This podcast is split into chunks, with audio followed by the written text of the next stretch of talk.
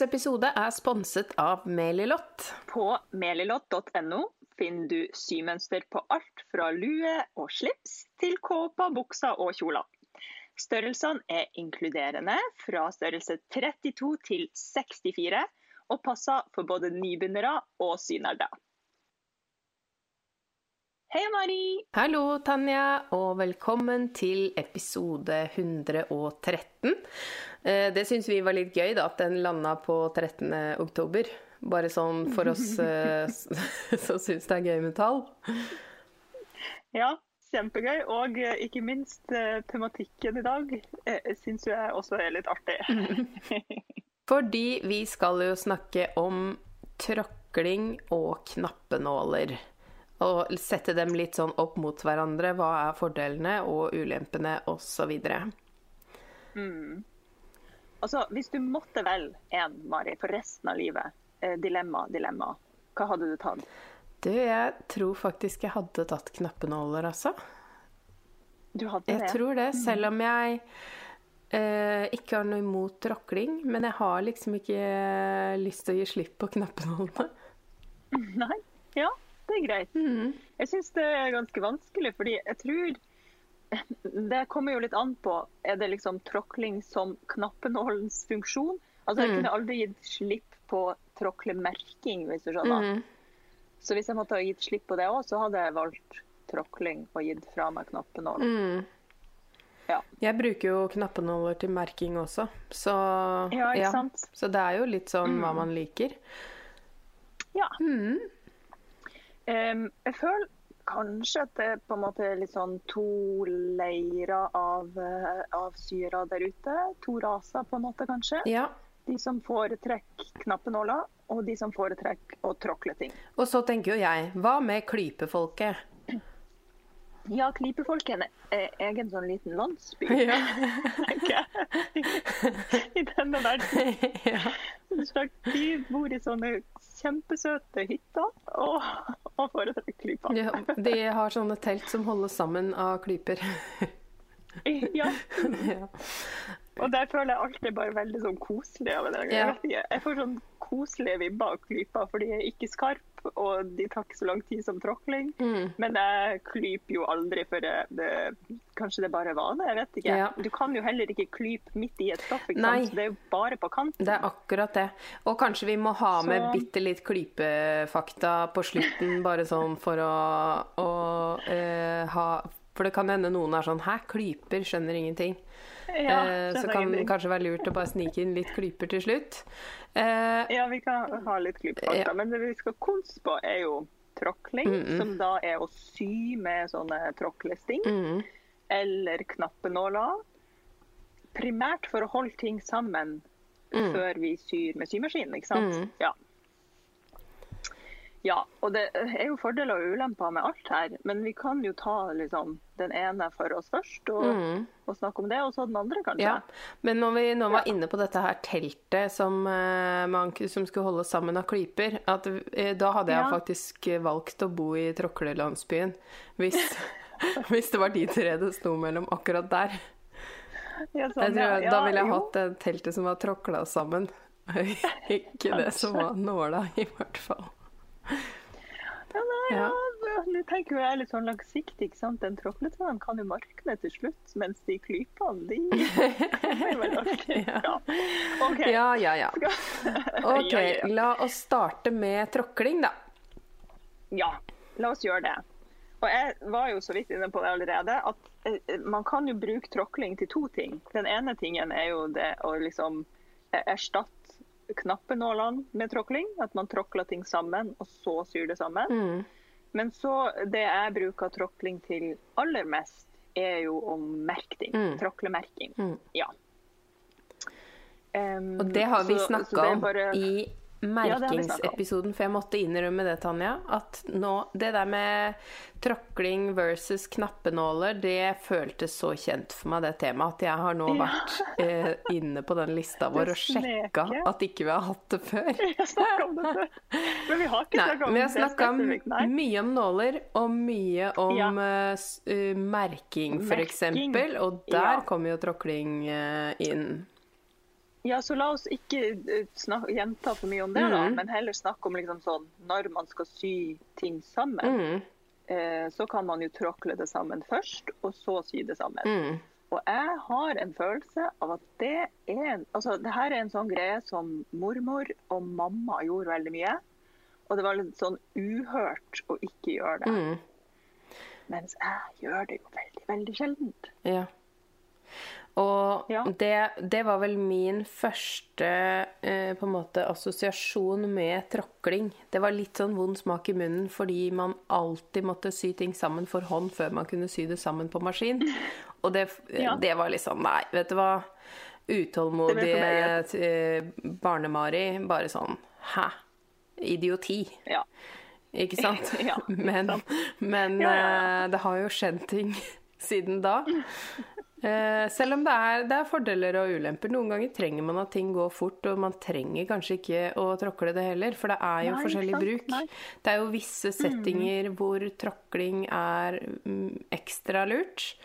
Eh, Ja. For eksempel eh, når føler du at det er helt sånn eh, Altså, du kommer ikke utenom. Når jeg kjenner det i ryggmargen, Mm. liksom, at nå må jeg tråkle før jeg Mm. Ofte hvis jeg jobber med fløyel. Ja. Og kanskje spesielt hvis jeg skal sy en glidelås i noe fløyel, Mm. så, så kan jeg kjenne på det. Men samtidig så eh, Det kan gå med nåler òg, føler jeg. Og det jeg liker med og Nå begynner jeg å snakke om matnåler. Men det, okay, det jeg ikke liker med å tråkle ting sammen, er at jeg underveis ikke kan ta ut tråklinga ikke sant, og justere. Mm. For det, det er helt sånn avhengig av. Å kunne gå tilbake på meg sjøl og, og bli litt uenig med meg sjøl, og så flytte hvor jeg har festa det, eller Mm. liksom finjustere litt igjen mens jeg syr. Ja. Og Det får man jo ikke muligheten til med å tråkle. Men poenget er vel at man skal liksom tråkle det helt perfekt med en gang. Men jeg vet ikke om det er som ikke er god nok, eller hva det er, eller bare ikke vant til det. Men når det kommer i maskinen, så skjer det jo ting. Mm. Altså sånn, ting forandrer seg, livet skjer. Mm. Og jeg må kunne justere meg, føler jeg. Og den tilfredsstillelsen får jeg jo ikke hvis jeg har tråkla alt fast. Nei. Så um, Enig. Ja. Så det er derfor jeg bruker det veldig lite. Mm. Men jeg husker sist jeg tråkla Jeg kan faktisk fortelle den siste jeg tråkla. Det var i forrige uke, da jeg lagde meg noen preserver. da, da kjente jeg at her gidder jeg ikke å nåle. Fordi det er såpass usikkert at det her kommer til å holde seg sånn som jeg vil hvis jeg nåler. Mm. Og det vet man jo med erfaring. ikke sant? Det var klippa på skrå, det var tre lag som skulle sammen. Mm. Og jeg kjente bare sånn, her er det for stor risiko til at det underste laget bare går ad undas. Da tråkler jeg sammen de lagene, liksom. Det gjorde jeg. Ja. Og Og var fornøyd.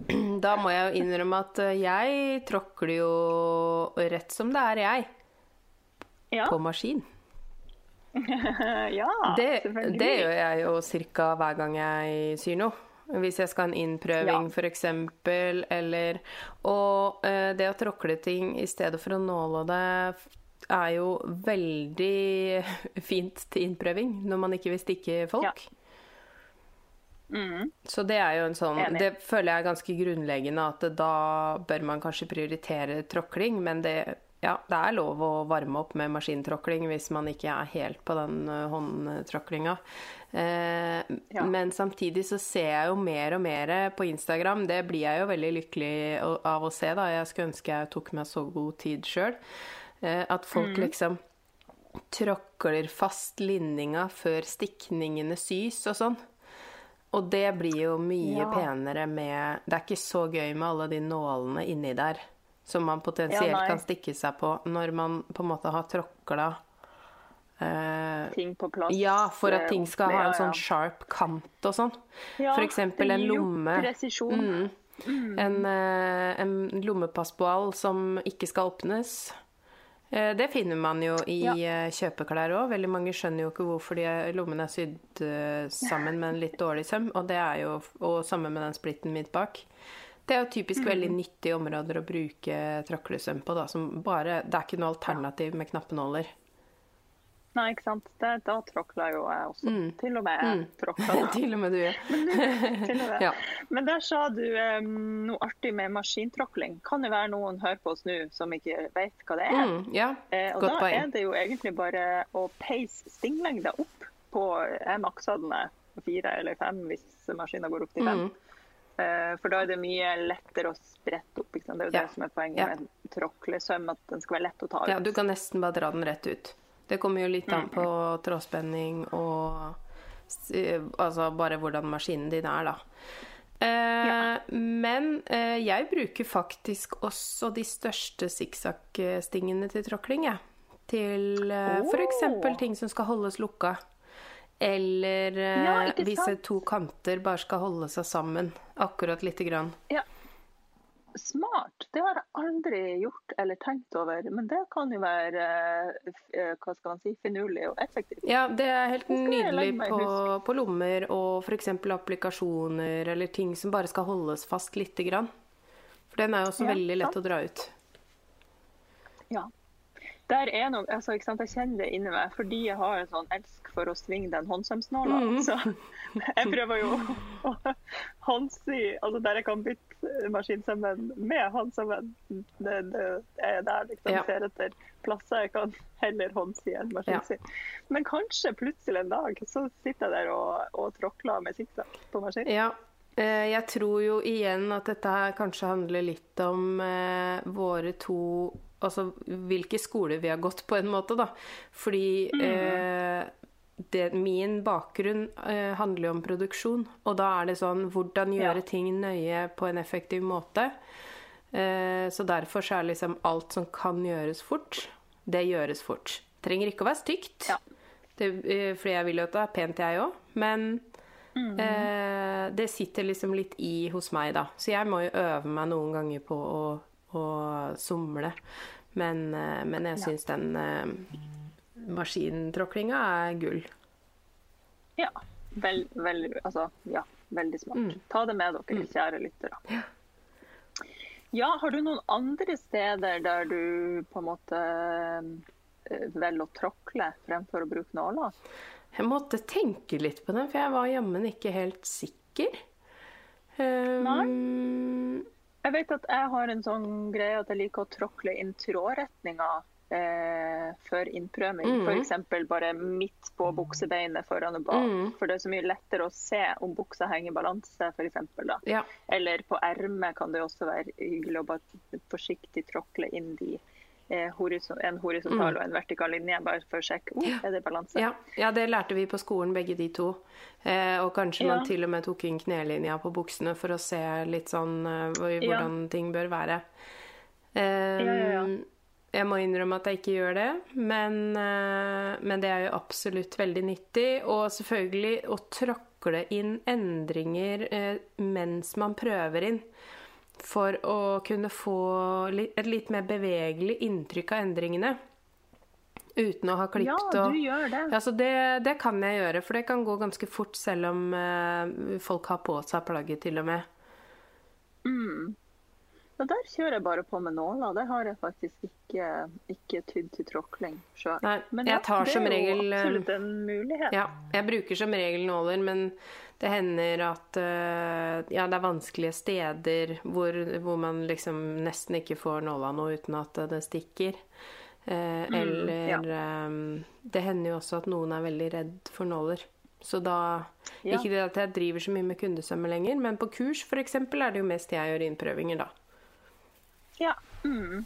Der er det jo en, ja, et alternativ å kunne tråkle i stedet for noe. Mm.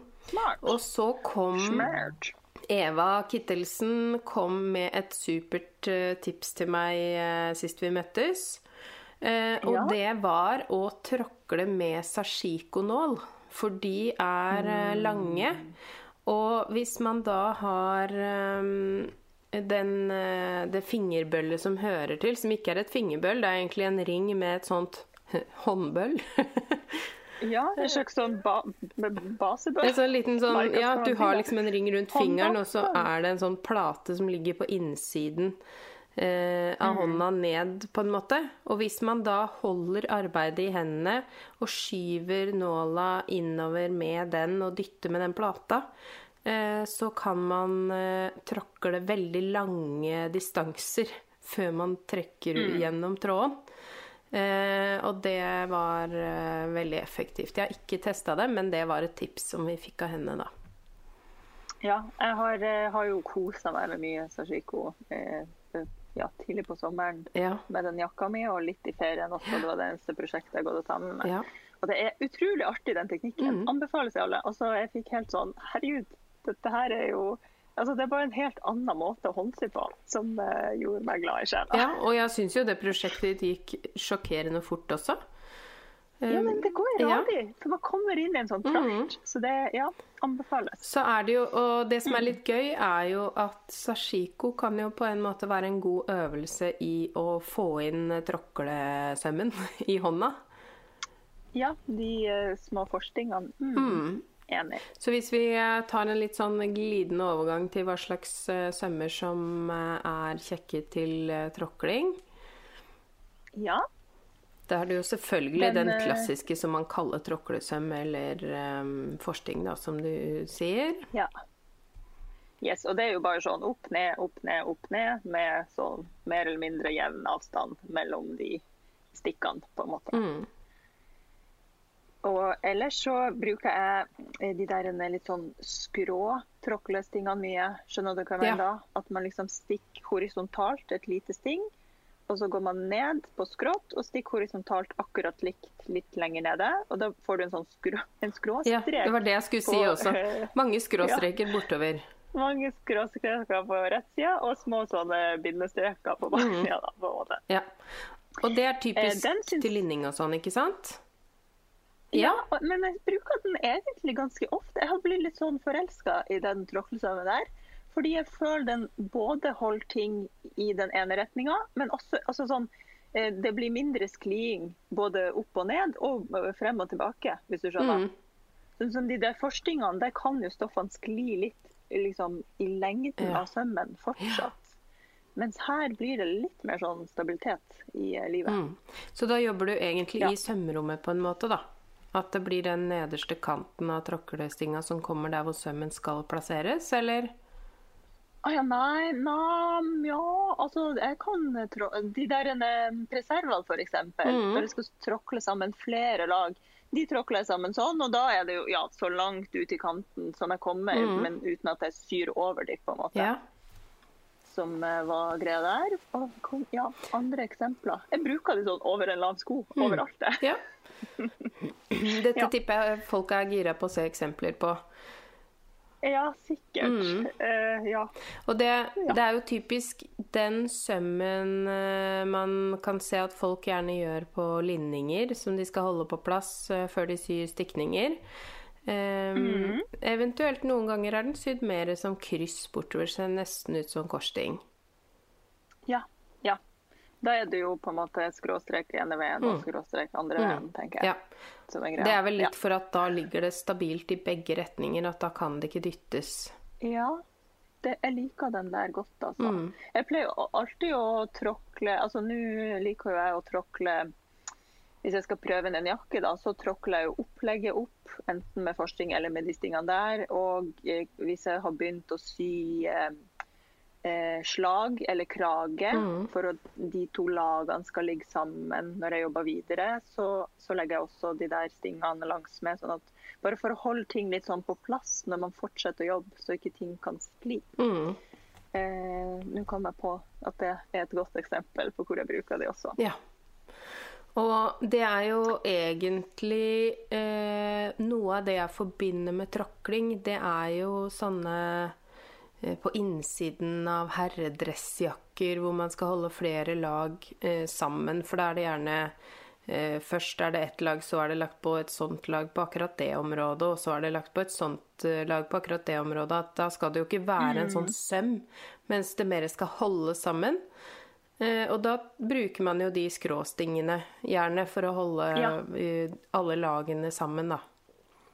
Det er jo så Jeg lurer på om de kaller det tråkling eller ikke. Det vet jeg faktisk ikke. Nei, det men tror jeg føler ikke. At, ja, de kaller det sikkert noe fancy. Altså Pikering er Ja. jo hvis du bruker det til å forme, så jeg tror ikke Kanskje det er det samme som pikering. Men jeg bruker i hvert fall pikering når man liksom aktivt former noe Mm. ved å sy to lag sammen. Så her mangla mangler vi kunnskap, men dere skjønner hva vi mener. Ja. Og så kommer vi jo helt sikkert til å, å få den kunnskapen etter at denne episoden har kommet ut. Kjenner vi dere rett? Forhåpentligvis så får vi beskjed. Det er fint. Ja. Ja, Eh, Bruker du noen andre sømmer når du tråkler? Eh, Nå prøver jeg å tenke hardt her om jeg har liksom noen sånne rare, rare tråklesømmer som jeg har utvikla etter hvert. Nei, jeg tror egentlig ikke det. Jeg, jeg er ganske enkel og grei. Ganske enkel og grei, ja. Jeg tror egentlig at det er også de to det går mest i. Ja. Og noen ganger så, ja, ved behov så gjør man jo kanskje noe gærne greier og fester ting litt ekstra godt. Kanskje tar et par sånn, et par sånn uh, festesting på et sted, men det er Mm. veldig sjeldent. Jeg klarer ikke å komme på noe eksempel. Nei, nei, det blir vel mer sånn punktvis. Eh, altså bare for å holde ting på plass. Det Ja. kan det hende jeg gjør noen Ja. ganger hvis det er en detalj på et plagg som jeg ikke skal miste.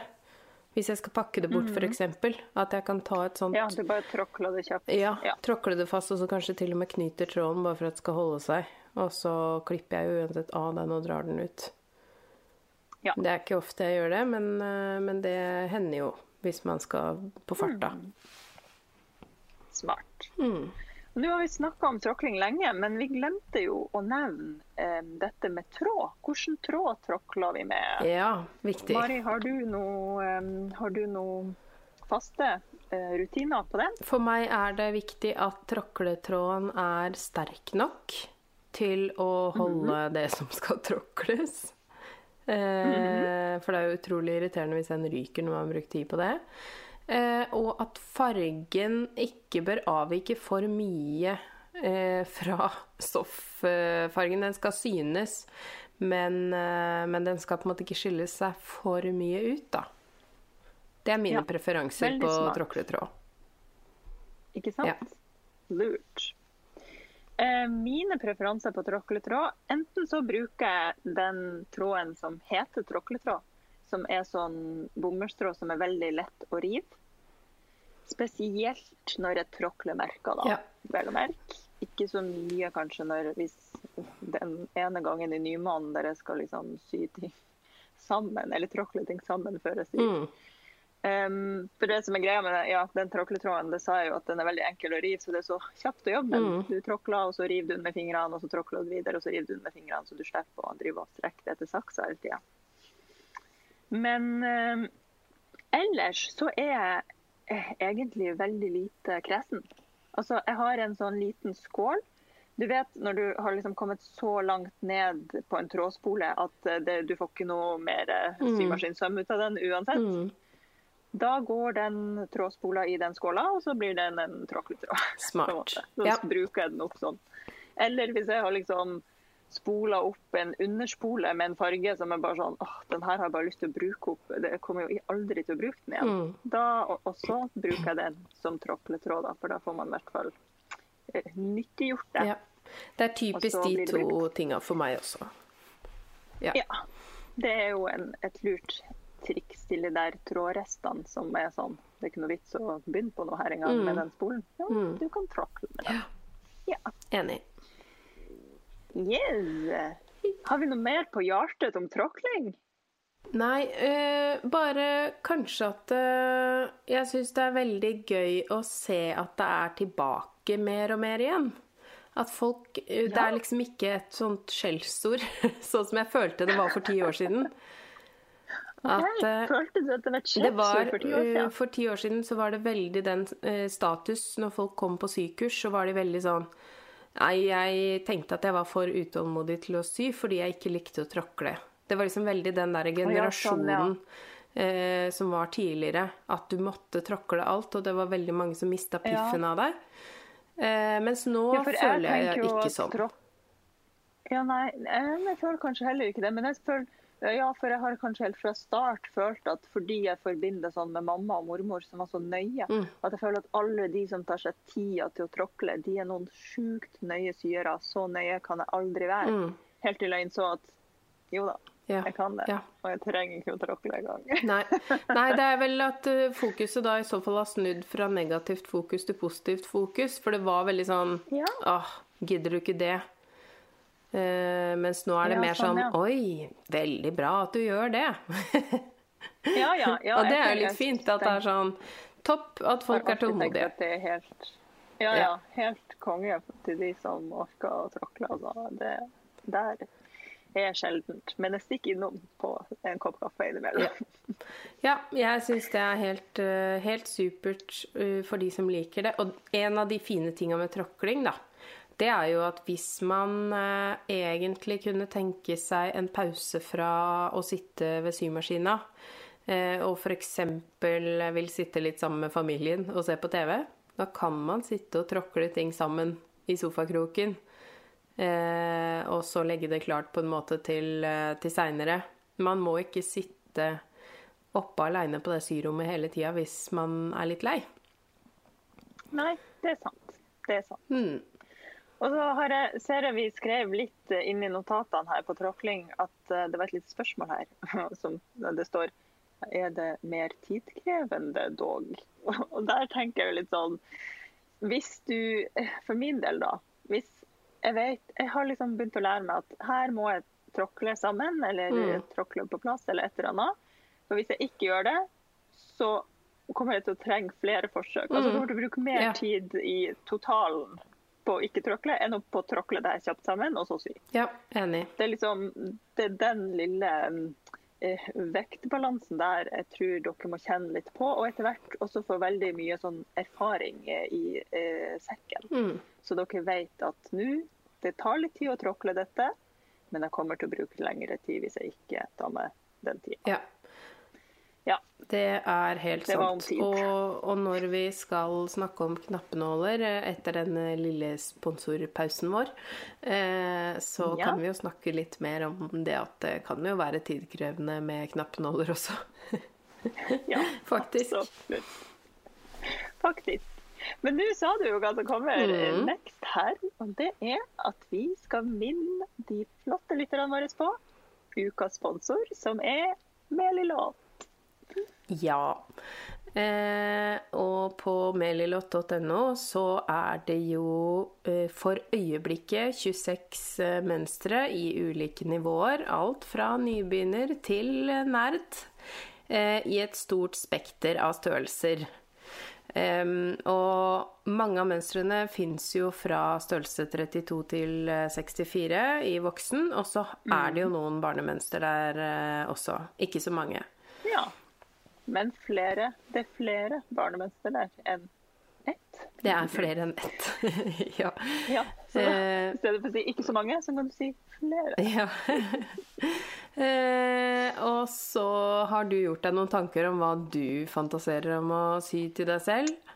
Fra Ja, jeg har, eh, det er klart jeg har. Jeg har jo oversikt over mønstrene dine. Og det er jo flere ting som jeg har tenkt sånn åh, en dag. En dag. Så skal jeg si er. Og da kan jeg trekke frem eh, noen mm. av de. Som f.eks. det her Miriam-mønsteret, som er ganske nytt. Det kom vel før sommeren, gjorde det ikke det? Ja. Det har jo du sprada rundt i nesten hver gang vi har sett siden da. I den der, den flotte leopardlin-stoffet som uh, du har designa uh, mønsteret på.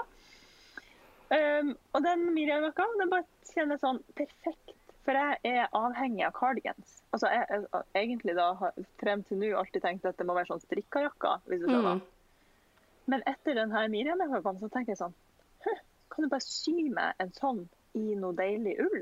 Mm. Så er jo det som en strikkajakke, på en måte, bare at den ikke er strikka. det er jo det jeg har tenkt med Miriam. At den ja. skal dekke det behovet. Ikke sant? Ja. Og så akkurat den er sånn, i min verden, perfekt eh, midt imellom pynta og ikke pynta. Mm. Så du kan, du kan, lage den som pynta, og du kan også lage den som helt her. Mm.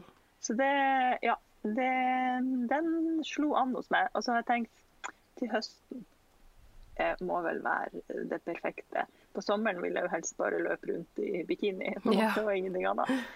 Mens uh, nå, når det begynner å bli litt uh, kaldere, så er det enda mer høyaktuelt med ei lita Miriam-jakke i ull enig faktisk i akkurat den der. Jeg har også det på lista mi. Ja. Gøy. Mm. Og så har jeg jo da observert at den fins i liksom flere eh, varianter på nettsida. At den fins i lang og, og, i kjole. Ja. Stemmer det? Ja. Eller det er sånn ja, enkle hacks, da. Ja, ja, ja, ja, ja. Veldig artig. Så da kan det jo også bli både kjol, og det kan jo bli en sånn flagrende sommerkjol. Ja, nå begynner, begynner hjernen å gå. Men uh, Miriam-jakka i ull, hvis vi kommer tilbake til den, mm. det er en, um, en, på lista mi. Og så har jeg jo også lenge sett på Runa, mm. som er, er, for de som ikke vet, det er en, en kjole i jersey, sant? Mm. Med en sånn finurlig liten detalj i sidesømmen. Sånne små, eller små, sånne fine legg. De er jo ikke så små heller. De er ganske sånn mm. eh, Det er en synlig detalj på en måte som jeg liker veldig godt. Mm. Men da selvfølgelig har jeg tenkt å hacke den litt, og det tenker jeg jo du syns er helt topp. Du jeg som elsker sånt. alle mønster du syr etter. Ja, ja, ja. Og min Runa hadde nok vært en polokjole. Altså med pologenserhals, på en måte. Ja. Og da blir den jo enda ja. litt mer Tanja også. Ja, sant. Mm. Det er jo det du liker best. Det er jo det jeg liker best. Og det hadde også vært en sånn perfekt vinter-høst-overgang til vår-plagg. Mm. At man eh, kan smette på seg en sånn og en Miriam over. Hvis du ser for deg en Runa med polohals og en Miriam over. Mm. Ja, det tror jeg faktisk er en veldig god kombinasjon. Og så ser jeg for meg det, altså, det er jo en sånn comfy, greie, en, en jerseykjole. Men for meg så er det viktig at de er litt sånn kroppsnær. Hvis jeg har på meg en jerseykjole, så er det ofte at jeg har lyst til at de skal være rett, og ikke med for mye skjørt. Mm. Det, det, kjennes veldig rart ut for meg. Mm. Så derfor var Runa helt perfekt. Ja, jeg, jeg, er helt enig. Det jeg syns er digg med den, er at kroppen bare kan få være som den er, på en måte. Og så er det jo masse plass til magen, siden den har de leggene over magen, og det er jo alltid topp for alle som liker å spise. Så ja, ja. ja jeg er helt enig. Den er sånn litt sånn kontorkjole, men digg. Ja. Mm. Har du mange, mange Runa-varianter du sjøl? Nei, du, jeg har faktisk en stripete som jeg har brukt masse. Uh, og det jeg liker med den, mm -hmm. er mhm. at stripene blir litt sånn off. For nerds Ja, inni de leggene. Ja, for mhm. nerds uh, kan se det at det liksom alle stripene matcher hele veien rundt, men plutselig så er det en forskyvning da i den ene siden, sånn at de ikke er rette i bånd uh, på forstykket. Og ja. det liker jeg litt. Det er litt sånn feil. Mm. Ja, og så har jeg jo akkurat sydd meg inn i det leopardstoffet, da. Som eh, Den sydde jeg til oh, yeah. utstilling på Stitchorama, så den, eh, den, har jeg ikke flytta inn i ennå. Men nå føler jeg at det Ja, kanskje det er den jeg skal ja. ha på meg på foreldremøtet etterpå. Det tror jeg faktisk. Mm. Ja. Smart. Ja, for du hadde den ikke på deg på Stitchorama? For jeg har ikke sett deg i den. Nei. Bare det? Nei. Den bare hang på stativet, liksom? Ja, fordi at jeg Det er ikke så ja. lenge siden jeg uh, kvitta meg med mange av de på en måte utstillingskjolene jeg hadde. Og akkurat Runa har jeg ikke hatt så mange av, fordi at jeg har uh, sydd den uh, til noe. Og så har jeg begynt å bruke den selv etterpå. Fordi at jeg gidder ikke å ha ja. masse ting som ikke Altså, man syr ikke klær ja, for at det ikke skal brukt. brukes. Mm. Så um, den var litt for slitt til å henge på det stativet, den jeg hadde. Eller liksom litt for sånn du så så godt at den var brukt, da.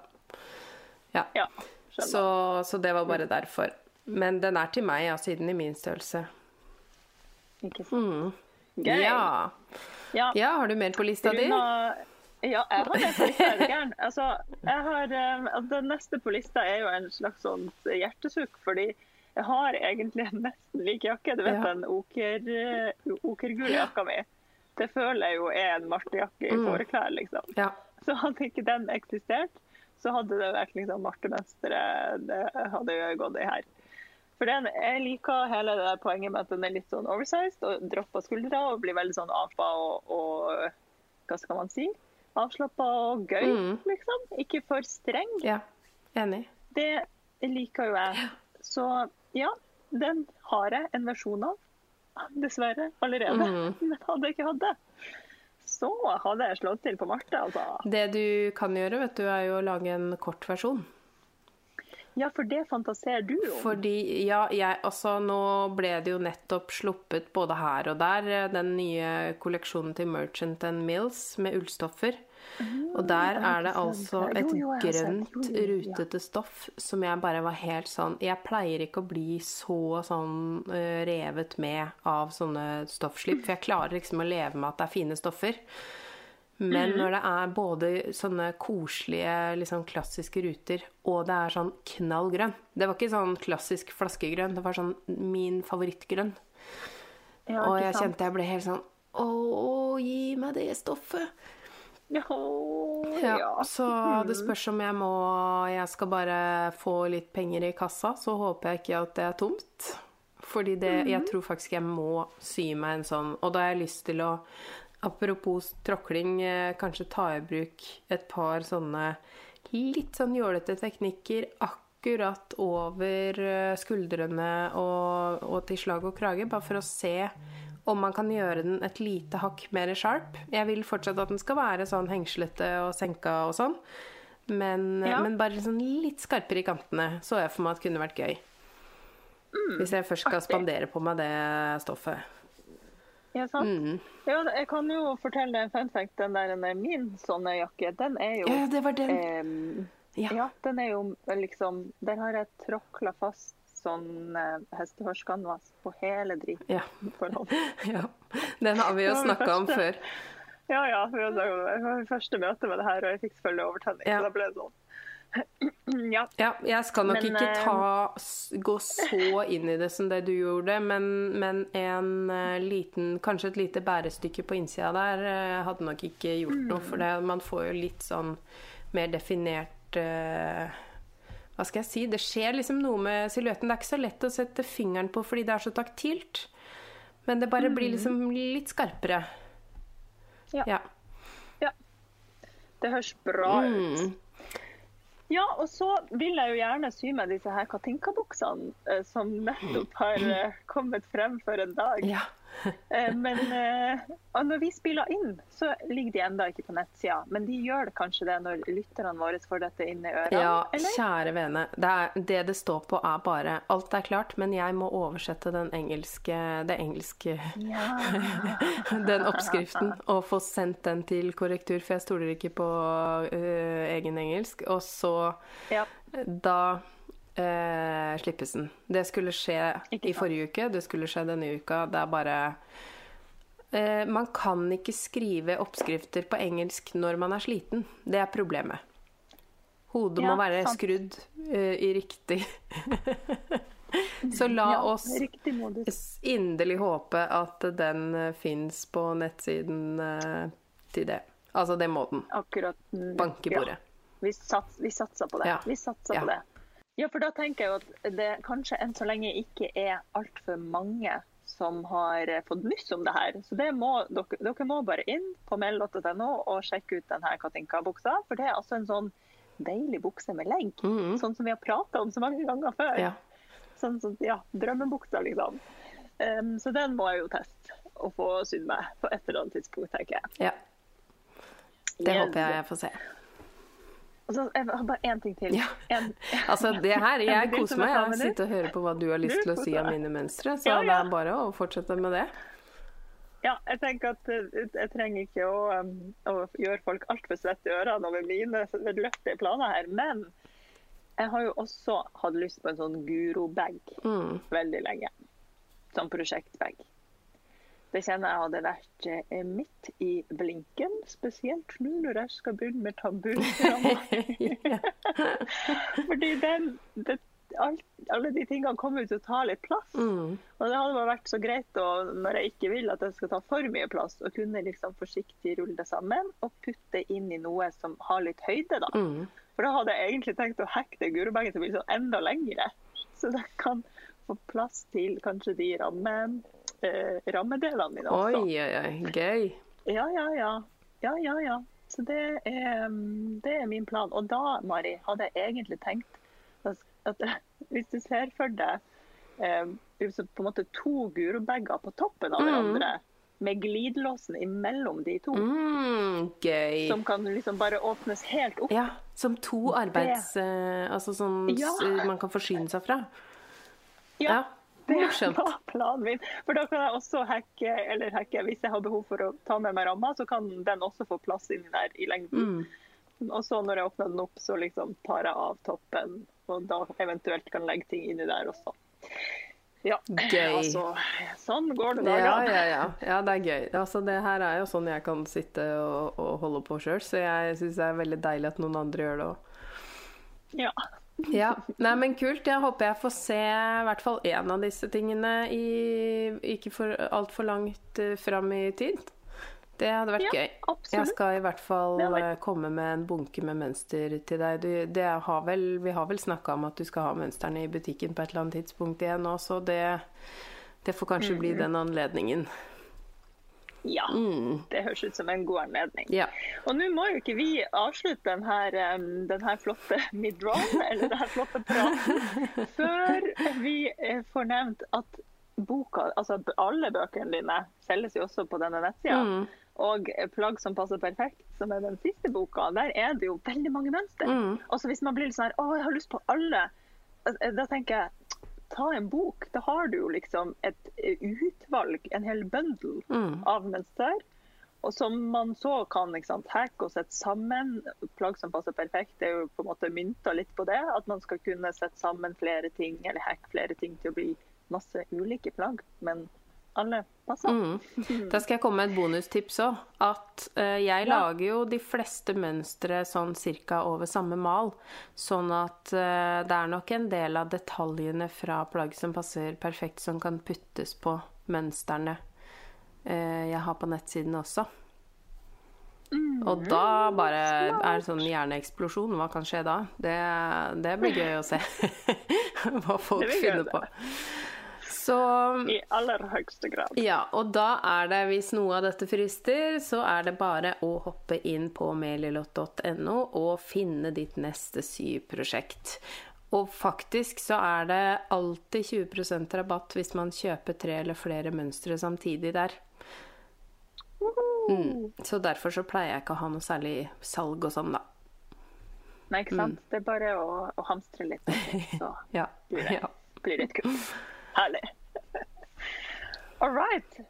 Skal vi em, dra oss tilbake inn ja. i knappenålas verden? Mm. Eh, Ja. Først og fremst eh, hva Altså, knappenålene kan man jo sette både på langs og på tvers. Eh, Jeg bruker jo som regel på tvers, men noen ganger så er det jo veldig fint å kunne bare dra den nåla ut mens man syr på sånne veldig finurlige steder, der hvor kanskje du tråkler, da. Ja, ikke sant? Mm. Em, enig med deg. Mm. På tvers for det meste, Mm. men på langs eh, ved behov. Helt enig. Ja. Og kanskje da eh, spesielt de stedene der på tvers kan gi litt sånn rar bulk, Mm. hvis jeg kan si det, på en måte. Mm. Ja. Eller der man ikke får tak i det man vil. Altså som i en gli Hvis jeg skal nålfaste en glidelås, Mm. så kjører jeg aldri på tvers. Da blir det alltid på langs, for da blir det minst bulk, og så slipper man eh, at nåla liksom står opp etter den glidelåsen, Ja. Eller oppi i glidelåsstenderen der. Mm. Mm. Og så Ja. eh, en ting som jeg liker veldig godt med knappenåler, eh, det er jo at man kan sitte og fordele rynking for hånd med én million knappenåler. Jeg føler ikke at det blir det samme med tråkling.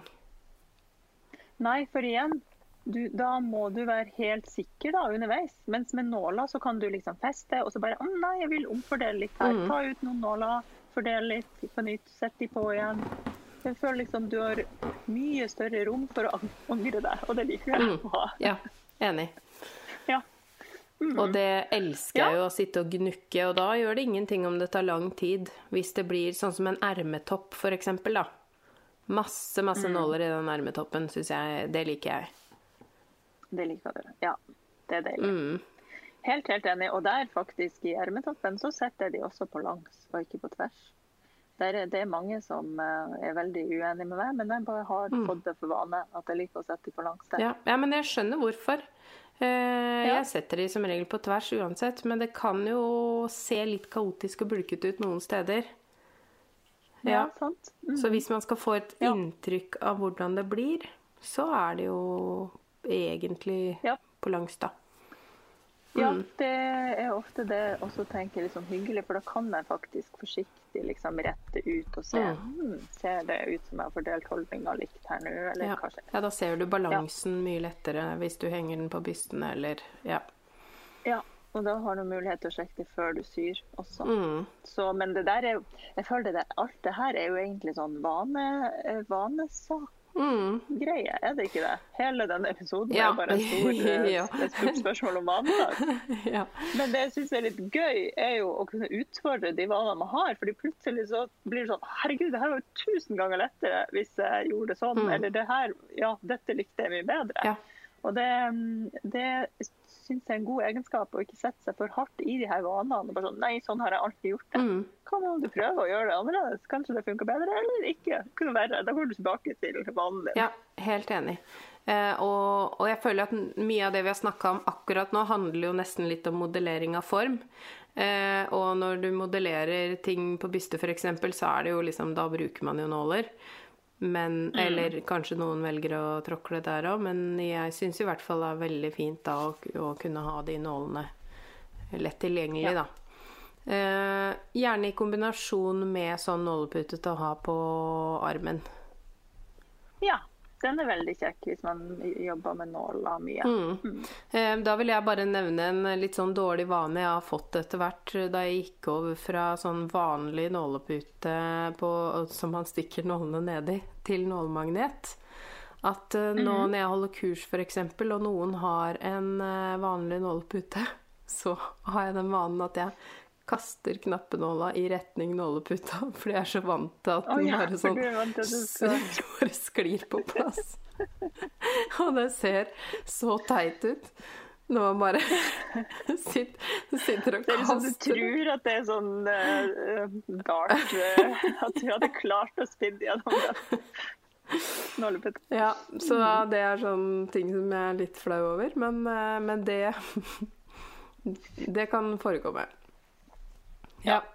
Det er en kjekk, kjekk, kjekk liten ekstrasak å ha Mm. til eh, hvis man foretrekker knappenåler. Absolutt. Mm. Ja, knappenåler, de som sverger til det, de sier vel at det er, går mye fortere enn å tråkle. Tror du ikke det? At det er en av liksom grunntankene Ja. bak å ikke velge tråkling, med velge knappenåler? Mm, det, det tror jeg, men uh, hvis du da skal nåle sammen uh, et helt uh, bein på en bukse, f.eks., da. Det går jo ikke veldig fort å sette Det kommer jo an på hvor tett man setter nålene, ikke sant? Jeg setter kanskje Ja. på en bukse så setter jeg nål i skrittet ved kneet og nederst. Og så fordeler jeg holdning mellom skritt og lår eh, mens jeg syr. Men hvis man skal sette nåler så sjelden, da er det jo f.eks. på en bukse helt vesentlig at man syr eh, i samme retning begge ganger. Så holdningen fordeles Ja. likt. Så det er jo noe med hvis man skal være så sånn eh, nøktern på nålebruken, så må man jo tenke en del på hvordan man jobber, da. Ja. Man må være nøye og Veldig- sånt, selv om man er rask. Ja. Absolutt. Mm. Og det der med hvor tett eh, nålene sitter jeg, Du vet jo, jeg prøver jo å sy eh, mest mulig uten nåler. Mm. Det er jo liksom mitt store, mitt store mål her i livet. Mm. Så jeg har et slags sånn eh, visdomsord som jeg pleier å si ganske ofte, og det er bruk det antallet knappenåler, eh, eller det minste antallet knappenåler du er komfortabel med. Mm. Og det vil jo variere veldig fra person til person hva det minste antallet er. Noen må kanskje ha ti på et strekke der jeg vil ha null. liksom. Ja. Men så lenge du føler du har kontroll, så er det jo det som er det viktigste her. Mm. Tenker jeg da. Helt enig. Og jeg også Ja, jeg altså- liker jo det så få nåler som mulig. Eh, Og noen ganger så tenker jeg at hvis jeg har fem nåler, da, da har jeg alt jeg trenger. Ja, sant? Ja. For jeg tenker også at på et eller annet, for min del, da, sånn som jeg opplever det, på et eller annet sted så bikka det over fra å bli hensiktsmessig til å egentlig bare være i veien og lage mer problemer for det. Mm. Når du setter for mange. ikke? Mm. Det blir mer klump. altså Stoffet, stoffet legger seg jo på en spesiell måte når vi Ja. stikker en knappenål inni der og alt det der. Så eh, et sted går vinninga opp i spinninga, tenker jeg. Så Mm. prøv å være nøktern i nålebruk. ja. Eh, og apropos det, så er det jo noe med dette med å sy over knappenåler eller ikke. Eh, det fikk vi jo et Ja. spørsmål om på livepoden, eh, men det er jo ikke sikkert at alle har hørt eh, det opptaket. Fordi vi, vi kan, du kan bekrefte at det opptaket ble noe av. Det, det, ja, ja, ja, det ble noe Ja. av. Det er oversendt til Andreas. Ja. Så det burde, hvis folk har hørt forrige, nei, for to episoder siden, Ja, så har de hørt har de det. hørt det. Men, uh, Ja, men hvis ja. man ikke For jeg er sånn som syns det er litt slitsomt å høre på ting som er live, uh, for det er så mye støy. Så hvis Ja. folk er som meg, så er det ikke sikkert de har hørt det. Um, Nei. vi får tro det ikke er så mye støy i dette opptaket. Men da ble vi jo spurt om uh, vi, det der med å sy over nålene eller ikke. Um, Ja. Og vi gjør jo Det det. kom opp. Ja. Jeg gjør det. ja. Ja, ja. Det er jo litt sånn som man på en måte eh, Eller som jeg i hvert fall har blitt lært at man ikke skal lære bort. ja. Eh, Ja. Men eh, man må bare være klar over at det vil slite på synåla. Mhm. Og at det kan forekomme at knapper Nei, knapper. At nåler eller knappenåler knekker. Og det må man være klar over. Ja. Og det sliter jo over synåla kun hvis du på en måte eh, blir borti Mm. eh, knappenåla. Ja. Um, ja. Så færre nåler er gull. Sånn helt Ja, Mm. det er ikke sånn megahandy for transportøren heller, eh, vil jeg si. Mm. Um, men For jeg sier jo ja, ja, jeg snur over knappenåla, men, og da ser kanskje alle for seg at jeg har sånn ti knappenåler langs en søm, og så syr jeg over alle de ti. Det gjør jeg aldri, da. Jeg tar de ut underveis. Men jeg syr over de hvis jeg må. Og hvis det er en funksjon i det å sy over en nål, så gjør jeg det. Mm. Hvis det er liksom en sømmatch, da syr jeg konsekvent over eh, nålene mine. For da er jeg sikker på at den sømmatchen blir der jeg har nålene, osv. osv. Mm. Eh. Et lite triks hvis man ikke har lyst til å ha så mange nåler, men man, man har lyst til liksom å ha noen sånne sjekkpunkter hvor ting holdes sammen, eh, så er det faktisk Spesielt hvis man syr på overlock, gjelder det her, da. For da vil man jo ikke sy med nålene i. Eh, det er faktisk å sy en liten tråklesøm. Den kan være på maskin, akkurat i de punktene der ting skal møtes. For da er det ikke sikkert man trenger å feste noe imellom de punktene. Ja. En slags, det er jo en slags annen måte å tråkle på. Mm. Mari. Ja, det er liksom på en måte en mellomting mellom knappenåler og tråkling. Tråkling. Ja, Eh, sannelig. Og det gjør jeg ganske mye.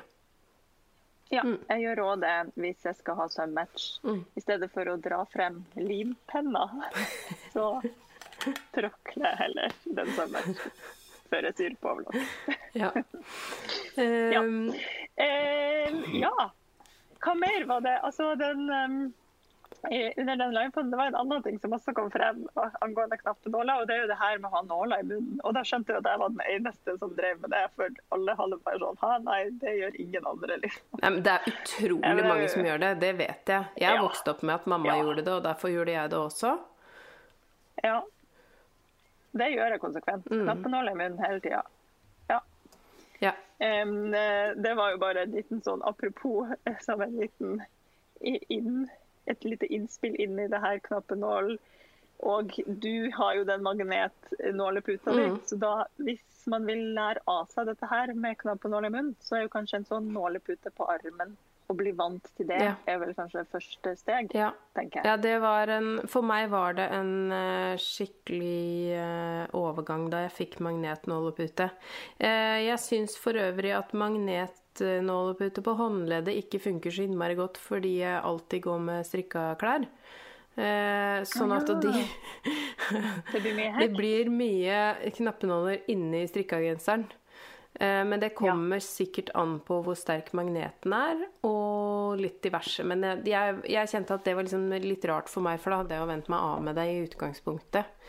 Um, Ja. For det før så gikk jeg alltid med, med nåleputer rundt armen, og så fikk jeg meg den magnetiske som ikke var rundt armen. Og da ville jeg Mm. jo gjerne ha magnet på armen, men da, det fikk jeg ikke tak i. Så, og, Nei, og da ble jeg jo vant med å ikke ha noe på armen. Så det er, alt dette er jo vanesak. Men eh, Ja. ja, jeg Men jeg har et lite Mhm. tips der også, faktisk. Fordi jeg syns det kan være litt sånn irriterende å ha Jeg har sånne nåleputer som enten har en strikk eller eh, de der som eh, vi har i nettbutikken fra Bohæ. De har bare en sånn på en måte Bøyle? Hva skal jeg si? Det er jo bare et sånn Ja, det er en slags bøyle. Mm. ja. Eh, og jeg klarer ikke å ha de nederst på håndleddet, fordi det, det blir i veien for meg. Mm. Det blir litt tungt? det jeg har begynt med, ja, både tungt og litt sånn her en, åh, det er en sånn stor ting. Mm. Det er så vidt jeg orker å ha på meg klokke, Mm. som ligger helt inntil håndleddet. Så den her svære saken som står ut, det, ble, det blir litt for meget for meg, så jeg har begynt å ha den på overarmen. Ja. Så jeg stabba meg liksom i overarmen. Altså, da står den ut, og da står den samme vei hele tida. Det er det som også irriterer meg litt når det er på håndleddet, for da plutselig vrir den seg. og da må jeg drive og snu handa sånn. Men når jeg har den sånn rett ved armhulen egentlig på overarmen, så stabber jeg meg sjøl på venstre armen. da. Så stabber jeg med høyre inni der, og så kan jeg til og med stabbe med venstre òg, for den går sånn akkurat opp dit. Ser du dette for Ja, deg? ja, ja. ja. Ja. Ja. Det er min nye hack. Mm. ja. Eh, jeg har faktisk magneter på, som jeg har limt på med dobbeltsidig teip eh, på toppen av uh, symaskinene mine. Ja. Sånne helt vanlige bitte små, sånn, eller ikke bitte små, men kanskje sånn tre centimeter i diameter eller noe. Uh, sånne kjøleskapsmagneter, eller sånne du liksom kan kjøpe til å lage magneter selv. Sånne har Ja. jeg limt på på toppen av, av symaskinene mine, sånn at jeg kan legge fra meg nåler underveis hvis jeg ikke har en nålepute i nærheten. Ja, og der har jeg en eh, nålepute som er sydd og bare eh, festa på med trykknapp sånn rundt, Mm. rundt symaskina. Det kommer sikkert, ja, det har jeg sett at Pål har, og det kommer Ja. sikkert an på hvor man har plassert displayet og sånn på maskina si, fordi Ja, på for hvis man har en vanlig Ja. husholdningsmaskin, så er det litt verre. Ja, det er ikke plass til det på mine, men på um, eh, Yoko, min eh, Yuki, eh, Ja. så har jeg faktisk, siden den er av jern, så har jeg tatt en av de eh, nålmagnetene mine som jeg har sydd sånn skinntrekk til, fordi at de, eh, de knuste så lett, de første nålmagnetene jeg hadde. Eh, Så da har jeg bare tatt innmaten og så tatt skinn rundt. Og da har jeg faktisk festa den på eh, maskina. Rett på maskina. Mm. Ja, det er det som er så greit med industrimaskiner. Ja. De kan man gjøre sånne Ja. gærne ting Så da har jeg tatt en um, litt sånn light-versjon med dobbeltsidig teip da, på de andre. Fordi Ja. det også funker jo Smart. fint. Ja.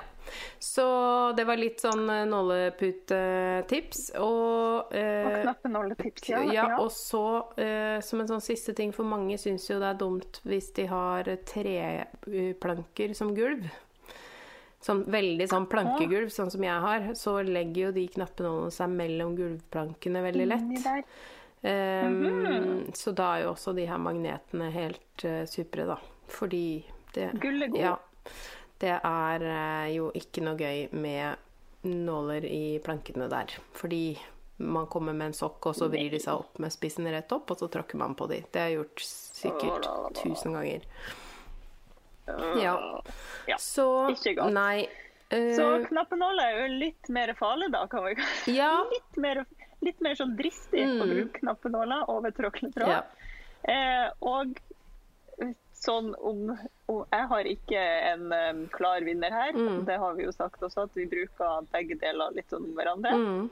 Men forhåpentligvis så har kanskje folk fått litt eh, eh, Hva skal man si? Litt mer kjøtt på beina Ja. på det. Og kanskje har lyst til å prøve det ene eller det andre litt mer eller litt mindre. Mm. Alt etter sånn.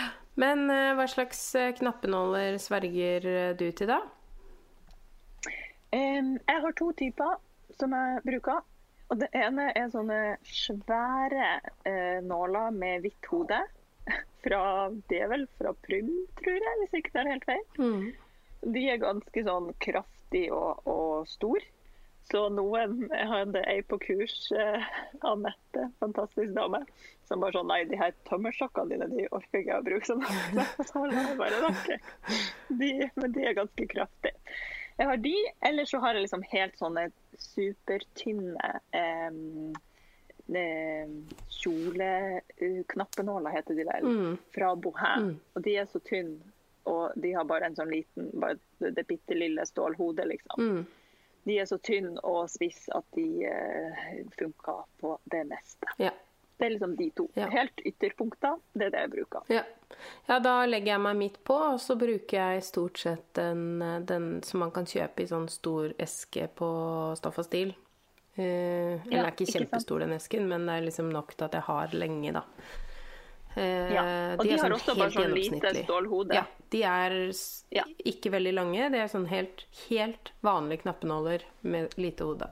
Jeg liker ikke så godt uh, Hmm. Knappenåler med stort hode. Det bruker jeg bare når det er sånn uh, ting som er veldig løst vevd eller strikka. Ja, at du ikke vil det skal forsvinne gjennom. Mm. Ja, nei um, uh, Jeg vet ikke. Det der med det store, hvite nålehodet, de har jeg nok bare vent meg til Mm. i lærlingtida. Ja. For det var de vi brukte mye hos Tine. Og de har bare blitt med meg. Jeg har liksom bare blitt venn med de, Mm. og har ikke lyst til å bytte ut. Ja, jeg er ikke Men det som blitt er det. viktig med de Nei, ikke sant. Det som er viktig med de, er at de har glasshode, dere. Mm. Så pass på det hvis dere kjøper nappenåler. Jeg vil jo i aller høyeste grad anbefale å faktisk investere litt i noen, enten uten sånn, eh, sånn kule rundt hodet, da. Eller i, hvis dere vil ha hode, kjøp glasshode. For da slipper dere at det smelter. Hvis dere trenger å stryke over eller presse over et eller annet mens nåla er i. Mm. Det er, man bør jo Ja. aller helst ikke gjøre det i det hele tatt, men noen ganger må man jo gjøre det. Noen ganger må man, og da er det veldig greit å ikke få smelta plast inn i den vakre, nye blusen. Ja. Prøve å lage det. Ja. Eh, vi sa jo at vi skulle si noe kjapt om eh, klyper på slutten. Eh, Oi, ja! Og jeg tenker eh, at jeg har ikke så mye å si om det. Eh, Men siden det er mange som bruker det, så føler jeg at vi må nevne at det finnes som et alternativ. At man kan kjøpe sånne små klyper på sybutikker som man kan bruke i stedet for nåler. Men de typisk sitter jo da ute langs kanten for å holde kanter sammen. Og de, kan man Ja, jo, de må man jo ta ut underveis. Absolutt. Du kan ikke sy over Nei. klypa. Kan ikke sy over klyper. Og jeg syns det blir litt sånn der, eh, Litt sånn flagrete og sånn, sånn klyper som dunker inn i bordet. De, fordi de Ja. blir jo veldig tunge. Det er jo klyper, liksom. Eh, Ja, ja. Men, eh, men til skinn er jo det f.eks. Eh, noe man kanskje må bruke. Eh, Mhm. Eller til andre materialer hvor eh, det ikke er noe lurt å perforere på verken med knappenål eller eh, tråkkeløssøm eh, på forhånd. Ja. Mm. Yes. Det er vel det eneste stedet jeg tyr til klypa. Ja. Ellers så ligger de bare pent i en sånn liten skål forma som en avokado. Ja. Ja, jeg har også klyper, og jeg bruker de vel kun til det. Eh, og så Ja. hold deg fast, Tanja. Det hender jeg bruker limpenn i situasjoner der hvor man Åh, ville brukt eh, klyper. For eksempel skinn. Glidelås i Ja, skinn. å, nei, skinn er, skinn er et helt eh, eget kapittel. Der kan jeg faktisk være tilbøyelig for at uh, limpenn kan gå Nå har jeg sagt ja. Ja, hørte dere det? være. Folkens. Ja. Mm, Ja. yes. Men da er det jo rett og slett fordi alt annet er litt sånn uaktuelt. ja. Men hvis det finnes andre eh, uteveier, så går jeg aldri limpenn-utveier. Den er grei. Eh, greit, greit. Ja, og så har vi til ukas feil, så har vi noen generelle feil denne uka her, da. Mm. Som er litt sånn obs, Eh, obs. Obs, obs. Sløve knappenåler er aldri kult. Kast de på dør med en gang du snubler over en. Den skal ikke tilbake på eh, nålebrettet eller inn i nåleputa.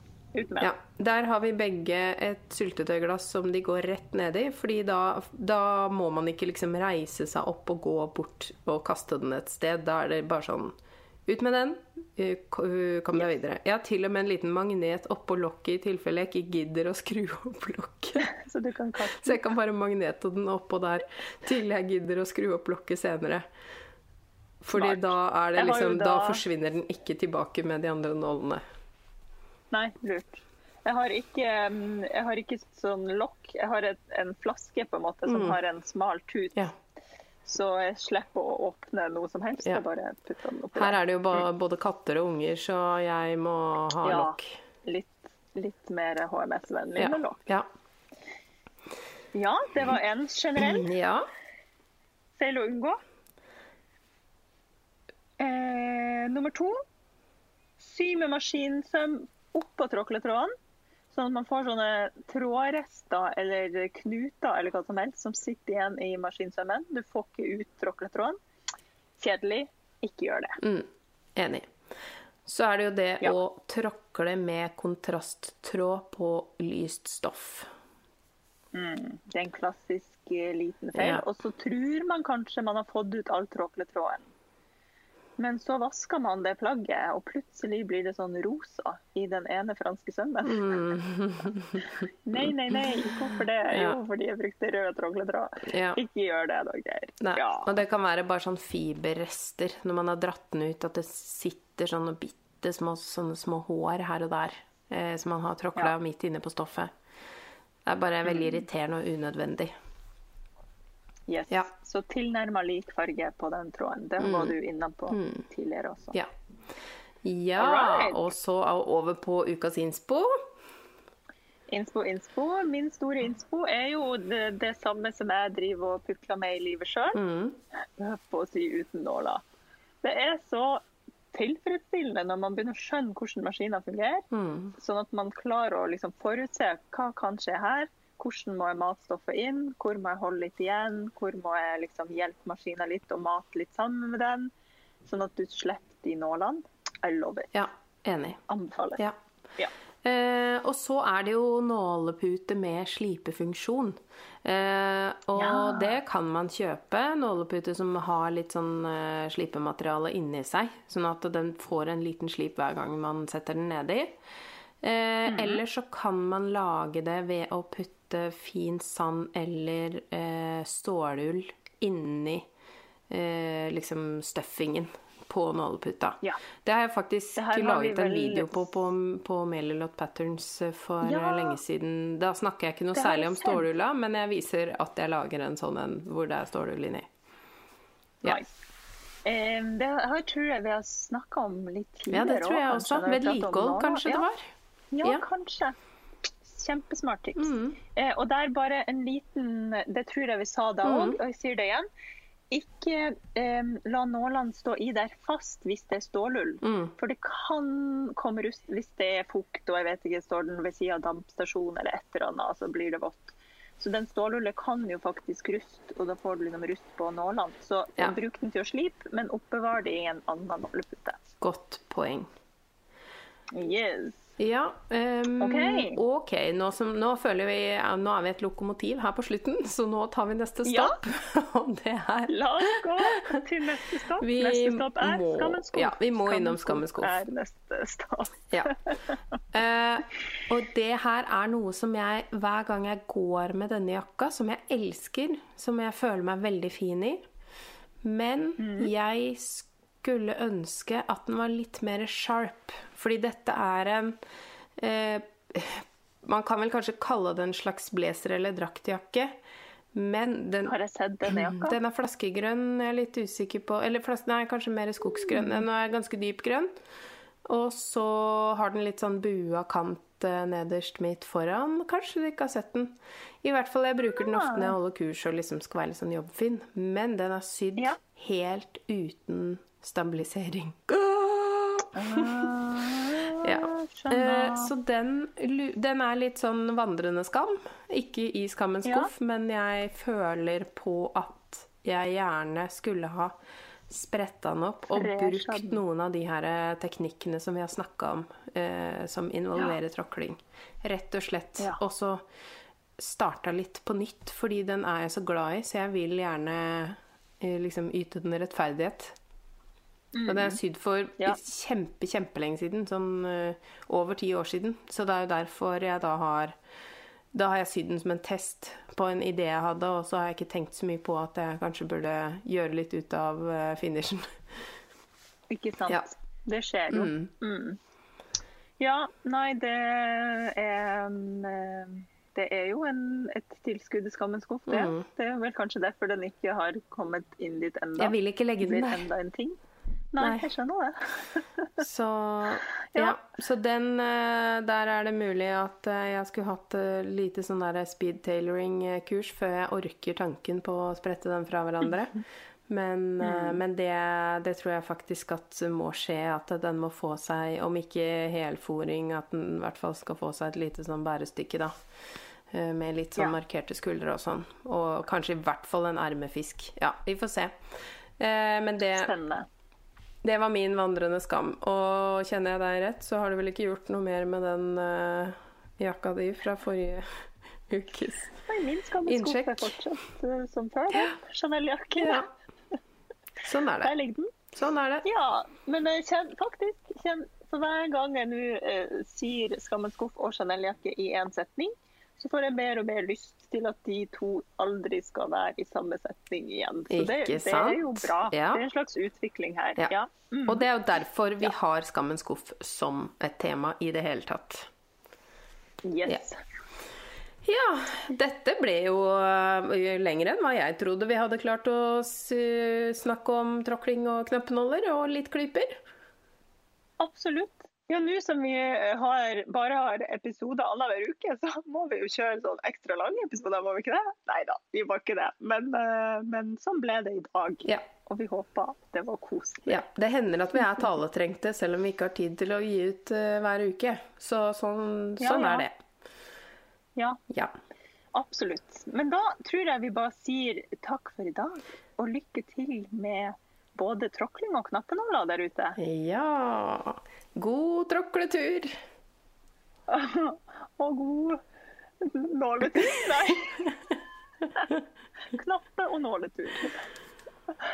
Ha det. Takk for i dag. Tusen takk for at du hører på Sømmelig podkast. Og takk til Andreas Prestmo i Wilthagen Studios for lyd og klipp. Og til Synnøve Overid for den fine musikken. Liker du kaffe? Det gjør vi òg. Hopp inn på patrion.com slash sommerli og spander en månedlig kaffekopp på oss. Patrion.com slash sommerli. Ukas episode var sponset av Melilott. På melilott.no finner du symønster på alt fra lue og slips til kåpa, buksa og kjola. Størrelsene er inkluderende fra størrelse 32 til 64, og mønstrene passer for både nybegynnere og synerder.